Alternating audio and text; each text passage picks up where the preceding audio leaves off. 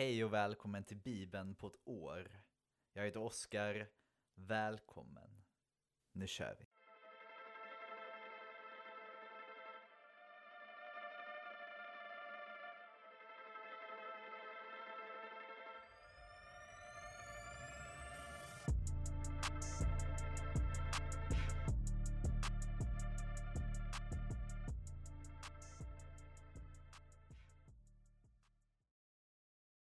Vi ber.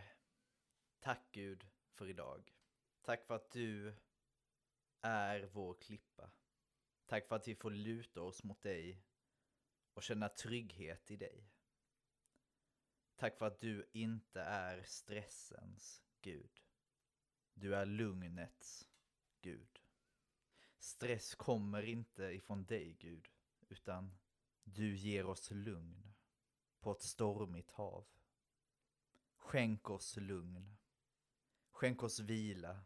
Stärk våra steg. Och var med i dagens bibelläsning. Ge oss insikter om dig, Gud. I Jesu namn, Amen. Ja, hörni. Jag tycker det börjar bli lite kyligt alltså. Jag står här och spelar in med en filt omkring mig. Men eh, jag hoppas att ni kan hålla er varma det kommer ju antagligen bli kallare. Även om jag hört att denna vinter ska bli en rätt varm vinter. Så är det ju ändå kallare än vad det var i somras, förhoppningsvis. Vi börjar i första kungabok, kapitel 2, vers 1 till kapitel 3, vers 2. Då Davids liv närmade sig slutet gav han sin son Salomo dessa anvisningar. Jag går nu den väg allt levande måste vandra. Var stark och visa dig som en man. Håll vad Herren din Gud har befallt, så att du följer hans vägar och rättar dig efter hans bud och stadgar, hans föreskrifter och befallningar. Allt så som det är skrivet i Moses lag. Då ska du ha framgång i allt du gör och vart du än vänder dig. Och Herren ska uppfylla det löfte han gav mig när han sade om dina efterkommande vaktar på sina steg och troget och med uppriktigt hjärta vandrar mina vägar ska det aldrig saknas en ättling till dig på Israels tron. Du vet hur Joav, Serujas son, handlade mot mig och hur han handlade mot de två överbefälhavarna i Israel, Avner, Ners son och Amasa, Geters son. Då han dödade dem och i fred hämnades blod som flutit i krig. Med oskyldigt blod fläckade han bältet om min midja och sandalerna på mina fötter.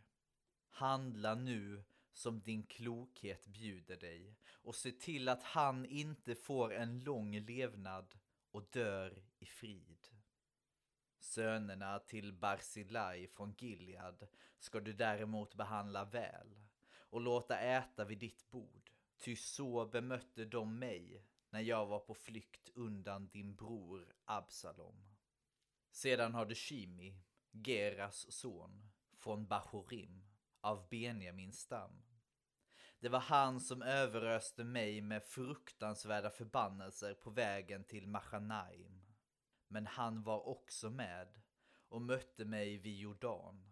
Och då svor jag vid Herren att jag inte skulle låta hugga ner honom. Låt honom nu få sitt straff. Du är ju en klok man och förstår nog hur du ska behandla honom så att hans långa levnad får ett blodigt slut. David gick till vila hos sina fäder och begravdes i Davids stad. I 40 år hade han varit kung över Israel, sju år i Hebron och 33 i Jerusalem. Salomo efterträdde sin far David på tronen och hans kungamakt var obestridd. Adonia, Haggits son, uppsökte en dag Salomos mor Batseba. Hon frågade Vad för dig hit? Är allt väl? Ja, svarade han, men det är en sak jag vill tala med dig om. Jag lyssnar, sade Batseba. Och han fortsatte, som du vet tillkom kungadömet egentligen mig och hela Israel väntade sig att jag skulle bli kung.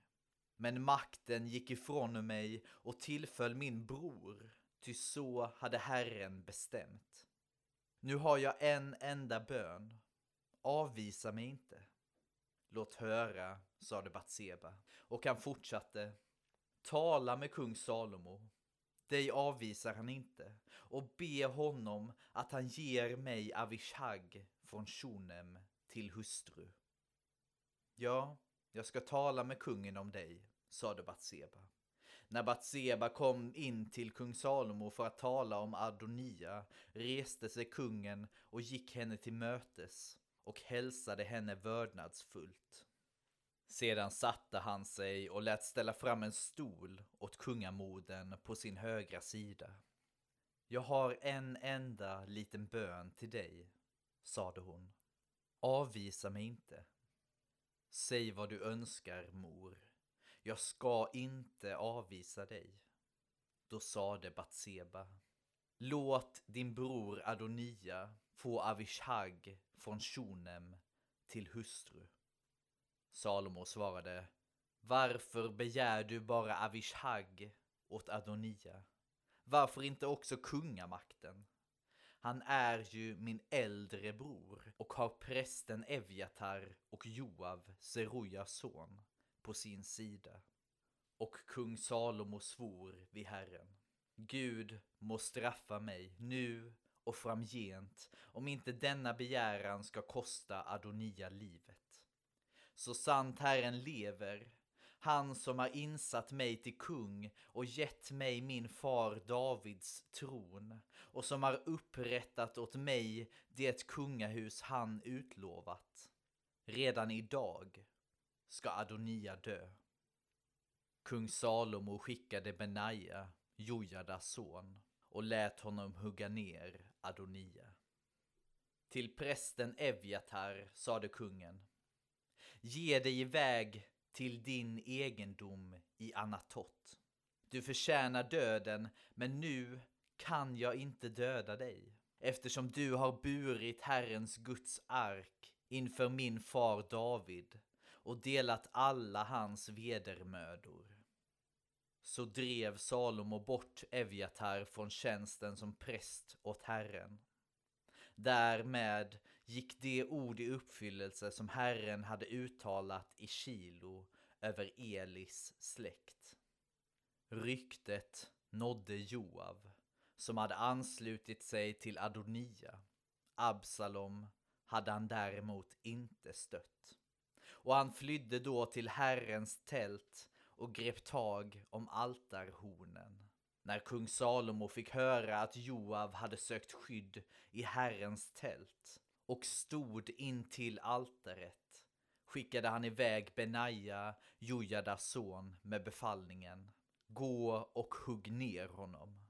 Benaja gick till Herrens tält och ropade till Joav I konungens namn, kom ut. Men Joav svarade Nej, här vill jag dö.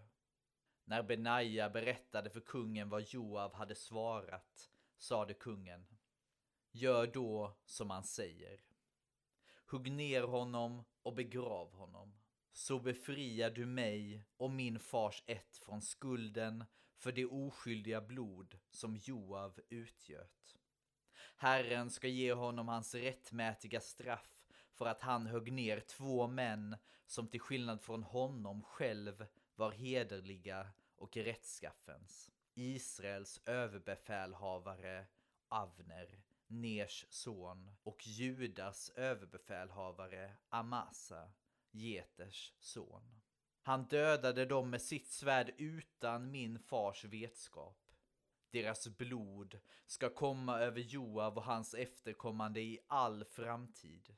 Men åt David och hans efterkommande, hans ett och hans tron, ska Herren ge trygghet i all framtid. Då gick Benaja, Jojadas son, bort och högg ner honom. Och han begravdes där han bott i öknen. I hans ställe gjorde kungen Benaja till överbefälhavare och prästen Sadok fick ersätta Eviatar. Sedan kallade kungen till sig Shimi. byggde ett hus i Jerusalem och stanna här, sade han.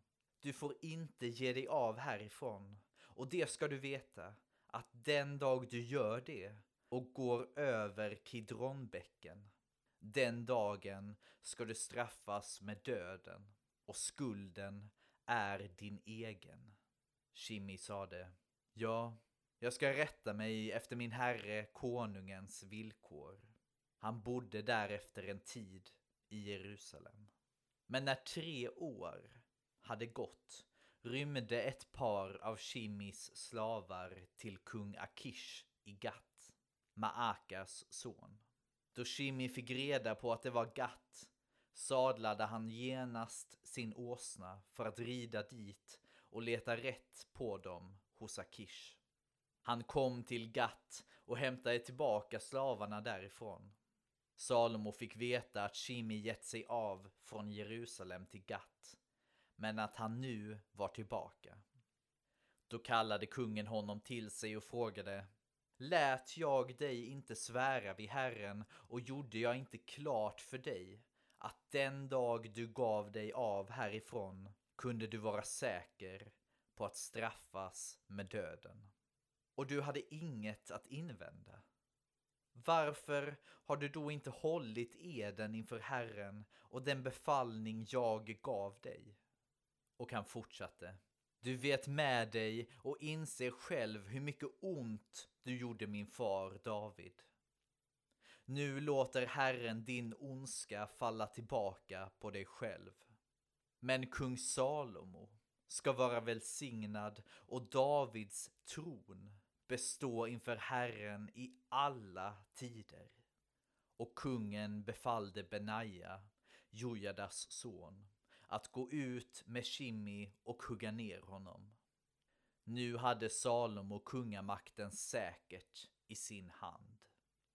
Salomo knöt släktskapsband med farao, kungen av Egypten, genom att gifta sig med en dotter till honom.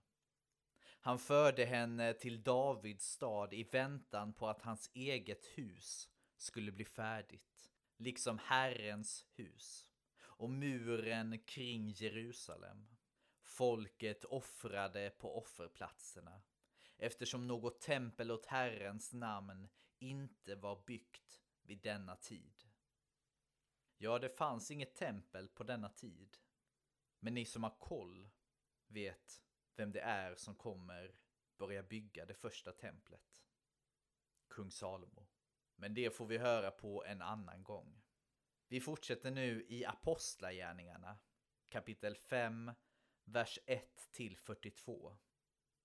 En man som hette Ananias sålde tillsammans med sin hustru Sapfeira en egendom.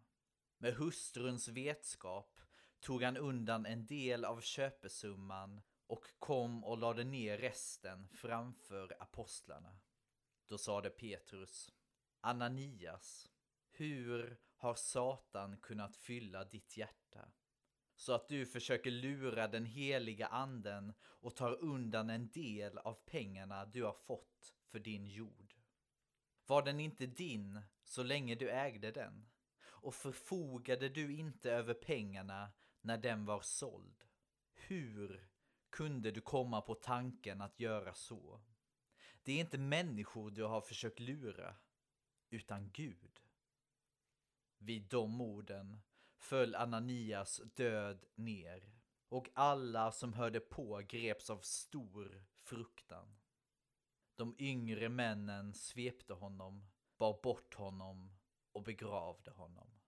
Omkring tre timmar senare kom hans hustru dit utan att veta vad som hade hänt. Petrus vände sig till henne. Säg mig, var det allt ni fick för jorden? Ja, det var allt, svarade hon. Men då sade Petrus, Hur kunde ni komma överens om att utmana Herrens ande? Du hör stegen utanför dörren. Det är männen som har begravt din man. Och nu ska de bära bort dig. I samma ögonblick föll hon ner framför honom och dog. När de unga männen kom in fann de henne död och de bar bort henne och begravde henne bredvid hennes man. Stor fruktan grep hela församlingen och alla som hörde talas om denna händelse. Genom apostlarna skedde många tecken och under bland folket. Alla de troende höll samman och brukade mötas i Salomos pelarhall. Ingen annan vågade ansluta sig till dem, men folket satte dem högt och mer än så. Män och kvinnor i stort antal kom till tro på Herren. Man bar ut sina sjuka på gatorna och lade dem på bäddar och bårar för att när Petrus gick förbi åtminstone hans skugga skulle falla på någon av dem. Också från orterna kring Jerusalem kom stora skaror som förde med sig sjuka och sådana som plågades av orena andar. Och alla blev botade. Då ingrep översteprästen och alla hans närmaste män, det vill säga sadukeernas parti. Upptända av trosnit grep de apostlarna och satte dem i stadshäktet. Men på natten öppnade en ängel från Herren fängelsets dörrar och förde ut apostlarna och sade Gå och ställ er i templet och låt folket höra allt om detta nya liv. De lydde och gick tidigt på morgonen till templet och undervisade. När översteprästen och hans närmaste män kom dit kallade de samman rådet, alltså hela den beslutande församlingen i Israel, och skickade sedan bud till fängelset för att hämta apostlarna. Men när tjänarna kom dit kunde de inte finna dem där utan vände tillbaka och rapporterade Vi såg att fängelset var ordentligt låst och att vakterna stod vid sina dörrar. Men när vi öppnade fann vi ingen där inne. När tempelkommendanten och översteprästerna fick höra detta kunde de inte begripa vad som hade hänt med fångarna. Men så kom någon och talade om för dem att männen som de hade satt i fängelse nu stod i templet och undervisade folket. Då gick kommendanten och tjänarna bort och hämtade dem, men utan att bruka våld, eftersom de var rädda för att bli stenade av folket. När de kom tillbaka med apostlarna förde de in dem till rådet och översteprästen började förhöra dem. Vi har uttryckligen förbjudit er att undervisa i det namnet och ändå har ni fyllt hela Jerusalem med er lära och vill göra oss ansvariga för den här mannens blod. Petrus och apostlarna svarade Man måste lyda Gud mer än människor. Våra fäders Gud uppväckte Jesus som ni hängde upp på en träpåle och mördade. Honom har Gud upphöjt med sin högra hand och gjort till hövding och frälsare för att Israel ska kunna omvända sig och få förlåtelse för sina synder. Om allt detta kan vi vittna och likaså den heliga anden som Gud har gett åt dem som lyder honom. Rådsmedlemmarna blev ursinniga och talade om att döda dem.